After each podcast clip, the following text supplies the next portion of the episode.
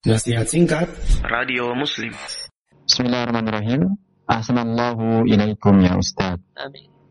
Bagaimana hukumnya Ustadz menggunakan obat kuat untuk berhubungan suami istri? Karena saya sering kali tidak kuat untuk berlama-lama dalam berhubungan. Mohon penjelasannya Ustadz. Ya, hukumnya sebagaimana disampaikan di Hasyiah I'anatul Talibin, kitab fikih Syafi'iyah.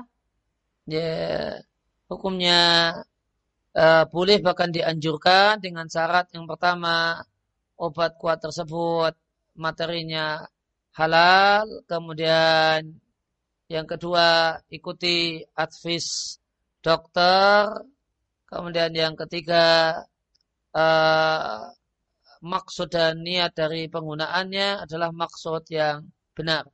Nah,